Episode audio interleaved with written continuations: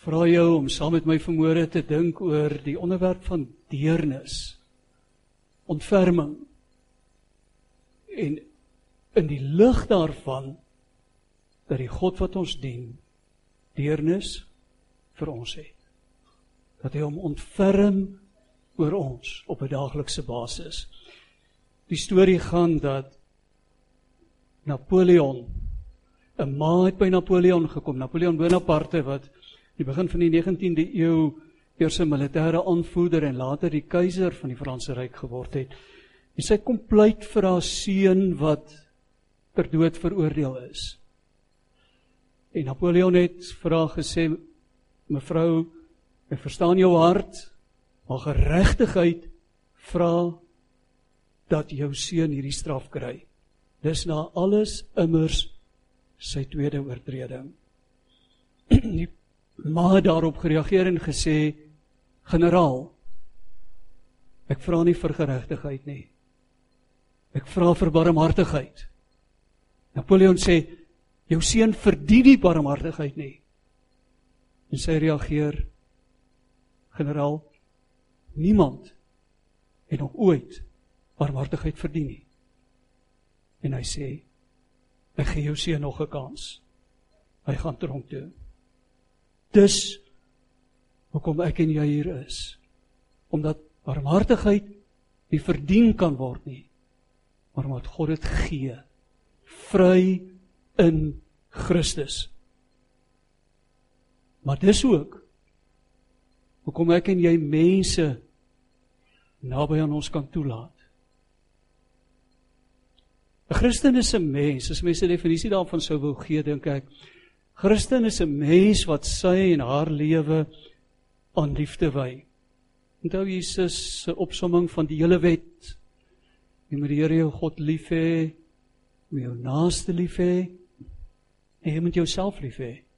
Jy moet jou naaste soos jouself lief hê. Die probleem kom daarby dat ons 'n definisie van liefde gebruik wat veroorsaak dat party van ons dikwels nie op dieselfde bladsy as die Bybel of Jesus is nie.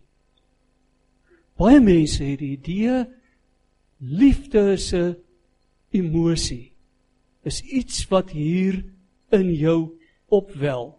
Is om jammer te voel. Nou wie's 'n aanhaling van iemand wie se naam ek nie eers kan uitspreek nie wat sê om jammer te voel is menslik. Om barmhartigheid te bewys is goddelik. Daar's 'n verskil. Ons praat oor barmhartigheid, oor deernis, ontferming.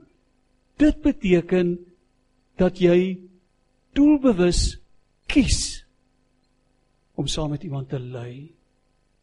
Om iets saam met iemand te verduur. Om die pyn te voel asof dit jou eie pyn is. Om die gesigspunt van 'n ander mens te verstaan omdat jy jouself in daardie mens se skoene gestel het. Dr Albert Schweitzer is baie bekende figuur. Hy was 'n medikus in die begin van die 20ste eeu wat ook baie navorsing gedoen het veral oor siektes in Afrika. 'n Musikant, kenner van Mozart en Beethoven en ook 'n baie bekende teoloog wat in die Kongo gewerk het. Die storie gaan dat hy op 85 nog steeds gewerk het in 'n hospitaal en terwyl hy saal rond te doen saam met van die personeel stap hulle van een saal na 'n ander en die sale is so end uitmekaar gebou. In die volgende oomblik kom hulle agter Dr. Schweitzer is weg. En as hulle hom soek, dan kry hulle hom waar hy 'n swaar vrag hout teen die bultop dra. En hulle sê dokter, wat doen jy? Hoe kan jy swets doen op jou ouderdom? En die dokter sê ek kon nie sien dat hierdie vrou alleen sukkel nie. Ontferming is om o vir mense wat sukkel te hê. Ek het 'n kollega wat ook 'n kosbare vriend is wat in die week die opmerking maak. Hy sê hoe langer hy die pad met die Here stap, hoe sensitiewer word hy vir mense wat swaar kry. Hy kan nie meer by hulle verbystap nie. Nou weet wat sê Matteus 7 Jesus die goue reël doen verander alles wat jy graag wil hê hulle vir julle sal doen. Dit wat jy wil hê 'n ander mens vir jou sou doen as jy in daardie situasie is doen dit. Dis die kern van alles wat van ons gevra word. Die die ander sy van die saak is moenie aan ander doen wat jy nie wil hê mense aan jou moet doen nie. En dis die geheim van disipel wees. Disipel wees wat tot ware lewe, lewe wat die moeite werd is, lei.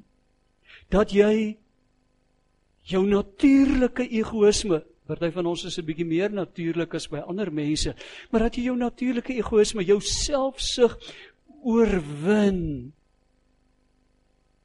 deur die mense om jou raak te sien en vir hulle daar te wees. Dat jy 'n passie daarvoor kry om vir mense om te gee. Dit benodig dat jy jou begeertes, jou selfsug inruil sodat daar ruimte vir ander in jou wêreld sal wees. Bybelse liefde is nie 'n gevoel nie. Dis om so nou en dan iemand jammer te kry nie. Bybelse liefde begeer om 'n glimlag op die mense om jou se gesig te plaas. En dis nie net om 'n rugby grappie te vertel nie. Om mense doelgerig van hulle pyn en ongemak te verlos. Om bly te wees saam met 'n mens wat rede het om bly te wees. En om te huil saam met mense wat huil. Om alle mense ongeag ras, status, stand op gelyke vlak te beskou. Ek bely vanmôre dat daar mense in my wêreld is wat ek normaalweg nie raak sien nie. Hulle is eintlik maar net gebruiksvoorwerpe. Die persoon agter die kasregister. Die man wat by die volstasie my motor volmaak. Die vrou wat die toilette by die kantoor skoonmaak. Dat ek alle mense op gelyke vlak beskou en dit vra dat ek elke keer weer uit myself sal klim. sien jy kans? Ook as ek en jy van ander mense praat dat dieselfde reël sal geld. Dat ek van hulle sê wat ek graag sal wil hê ander mense van my sal wil sê dat ons daarom met liefde selfs met die waarheid oor ander se lewens omgaan. Dit vra meeste van die tyd dat ek my mond hou. Dat ek stil bly oor ander mense. Dis deel van wat Jesus bedoel dink ek in Matteus 16. Daardie bekende woorde as julle my volgelinge wil wees, moet julle julle eie selfsugtige ambisie prysgee. Dis die nuwe lewende vertaling se baie mooi vertaling na my sin. Julle moet julle kruis op julle skouers neem. Jy moet agter my aankom. As jy probeer om jou lewe vir jouself te bewaar, sal jy dit verloor solank jy vir jouself leef. Leef jy nie? As sodra ander mense vir jou belangrik word, as jy jou lewe ter wille van my prys gee, sal julle ware lewe vind? Wat sal dit jou tog help as jy alles in die lewe bereik? Maar jy lei skade aan jou diepste menswees. Jy's leeg hier binne.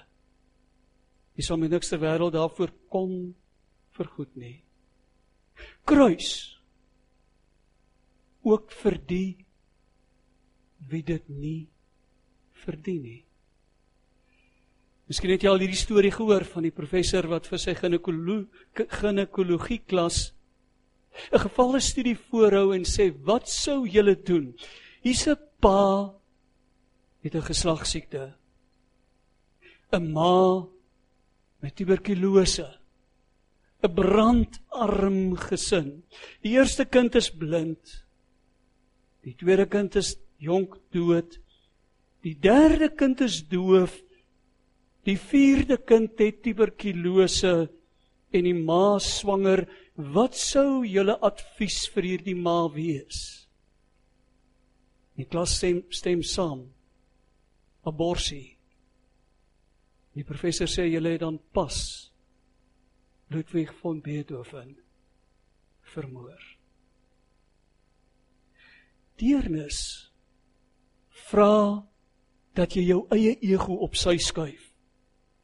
Dat jy oor jou eg menslike klim. Beteken ons paklei vir eie belang. Ek paklei vir my eie sodat jy ander in ag begin neem en as mense en nie as gebruiksvoorwerpe nie behandel ongeag wie hulle is ongeag hoe hulle ruik of lyk wanneer jy dit doen begin jy in 'n nuwe dimensie leef Jesus sê as jy weier om jou kruis op jou skouers te neem en my te volg as jy aanhou om in jouself sug jou eie belang te bevorder verdien jy nie om een van my mense te wees. Jy selfsugtig aan jou eie lewe vashou, gaan jy dit verloor, maar as jy dit ter wille van my opoffer, sal jy werklik voluit lewe. Jy transcendeer jou eie ongelukkige bestaan en ervaar die bevryding van ware geluk wat 'n glimlag wat jy op 'n ander se gesig bring in jou lewe indra. Soms is dit so eenvoudig soos om iemand vriendelik te groet. Dit maak soms iemand se dag op pad werk toe as 'n ander persoon hom of haar vriendelik groet. Augustinus die kerkvader het gesê daar's twee dade van barmhartigheid wat jou vrymaak. Vergewe jy word vergewe. Gee weg. Jy ontvang. Dit gaan teen die grein van ons gemeenskap, ons menswees in vir drie redes. Ons is deel van 'n kapitalistiese kapitalistiese ekonomie wat jou leer om te kompeteer en individualisties te dink, om vir wins te veg, om jouself eerste te plaas. Ons word 'n teorie van evolusie geleer wat jou vertel dat net die sterkste oorleef en in die brutale geveg kom jy bo uit net as jy hard genoeg op al die ander getrap het om bo oor hulle te klim. En ons word onderwerp aan wetenskaplike positivisme wat jou leer dat die wetenskap die enigste maatstaf vir kennis is en die wetenskap vertel jou dat gene noodwendig selfsugtig geprogrammeer is om eie belange na te streef ten koste van mededingers. Daarom word ek en jy selfsugtig gebore, selfsugtig grootgemaak en alles en almal rondom ons is so. Die eerste woord wat ons sê is mamma en die tweede een is myne en ons hou aan myne skree en as ons nie ons sin kry nie, slaan ons ons vuis het 'n kriketspeler van Suid-Afrika nie hierdie week huis toe gekom omdat hy nie sy sin gekry het nie en sy vuis teen 'n harde voorwerp geslaan het. Dit is 'n manier van oorlewing. Die sterkste wen, die ou wat eerste en hardste slaan. Nou, iemand met die naam Paul Broca het iets in die brein ontdek, 'n waarneming gemaak het gemaak wat te doen het met die instink van 'n ma wat haar kind se belang voor haar eie stel. Wat ek wil se vereiste is dat 'n kind sal oorleef. Daardie emosie van deernis, van moederlike liefde wat gesetel is in die limbiese stelsel wat reg onder die korteks van die brein is en as jy nou baie goeie oë het, dan kan jy dit daar sien. Want as 'n ma nie haar baba versorg en dra en voed en beskerm nie dikwels ten koste van haarself en haar eie belang selfs 2 uur in die oggend dan oorleef die baba dood gewoon nie die interessante is dat die Hebreëse woord vir deernis afgelei is van die woord vir moederskoot en Dis ook die woord wat gebruik word vir 'n ma se liefde vir 'n weerlose kind. En nou kom Paul Brouka tot die gevolgtrekking. Hy sê hier uit hierdie mense vermoë gegroei om lief te hê, nie die selfsugtige liefde wat om my genot en my geluk gaan nie, maar 'n liefde wat gee, 'n liefde wat vergewe, 'n liefde wat ruimte maak, 'n liefde wat omgee en uitdeel. Die ma ras met haar dogtertjie. Sy sê ek het jou winkel toe gestuur en jy het so lank weggebly. Ek is mors dood van bekommerd. Waar was jy? Die dogtertjie sê mamma, het op 'n ander dogtertjie afgekom. Die seuns het haar pop gebreek. En sy was hartseer. Mamma sê kon jy haar pop regmaak? Sy sê nee, dis te stukkend. Maar kon saam met haar sit en huil op die sypaadjie. Deernis. Meeste mense lyk like my is verslaaf aan hulle egoïsme. Hulle kan nie bestaan sonder vooroordeele, verbittering, haat. Dis die rede wat hulle het om op te staan en te veg. Hulle is vasgevang in daardie eg menslike optrede wat jou kreupel maak van ander mense skei om jou bang, gierige, onveilige ego te probeer beskerm. Daarom is dit iets wat wat jy jouself doelbewus in moet oplei. Jy moet dit leer. Die Latynse woordjie educare waarvan die Engelse educate kom, is twee woorde: uitlei. Jy moet jouself as ware uitlei uit 'n natuurlike manier van lewe sodat jy elke mens met eerbied en respek sal behandel sonder om tussen mense onderskeid te maak juis omdat elke mens vir jou na God lyk. Juis omdat wanneer jy as geesvervulde mens met daardie mens te doen kry wat op die rand beland het, wat uit die gemeenskap gestoot is, wat nie wil inpas kan inpas nie. Dat daardie mens jou hart aangryp. En jy vir daardie mens omgee. 'n laaste gedagte. Ons gaan net tyd vir die rugby klaar maak. Dit is so belangrik dat ons ons kinders deernis sal aanleer. Dat hulle dit sal aanleer. Ek is bevrees dat ons dalk ons kinders so bietjie selfsugtig groot maak in 'n poging om hulle te beskerm. Want die gesin is die beste laboratorium in die wêreld om altruïsme aan te leer en te beoefen. Ons het so 2 jarige enetjie in ons familie wat wat alles self wil doen. En alles is hare. En nou het sy nog boonop haar arm ook gekraak wat veroorsaak dat sy nog meer simpatie nodig het. As 'n mens nie hier leer om 'n ruimte vir jou gesinslede te maak om hulle te respekteer, om hulle te behandel soos jy self behandel wil word nie, om jouself op te offer, om jouself in 'n ander mens se skoene te plaas nie, gaan jy dit moeilik elders aanleer. Ook die vaardigheid wat 'n pa en ma aanleer en deur dit te praktiseer vir hulle kinders leer om met alle aandag na iemand te luister. Dink so 'n bietjie.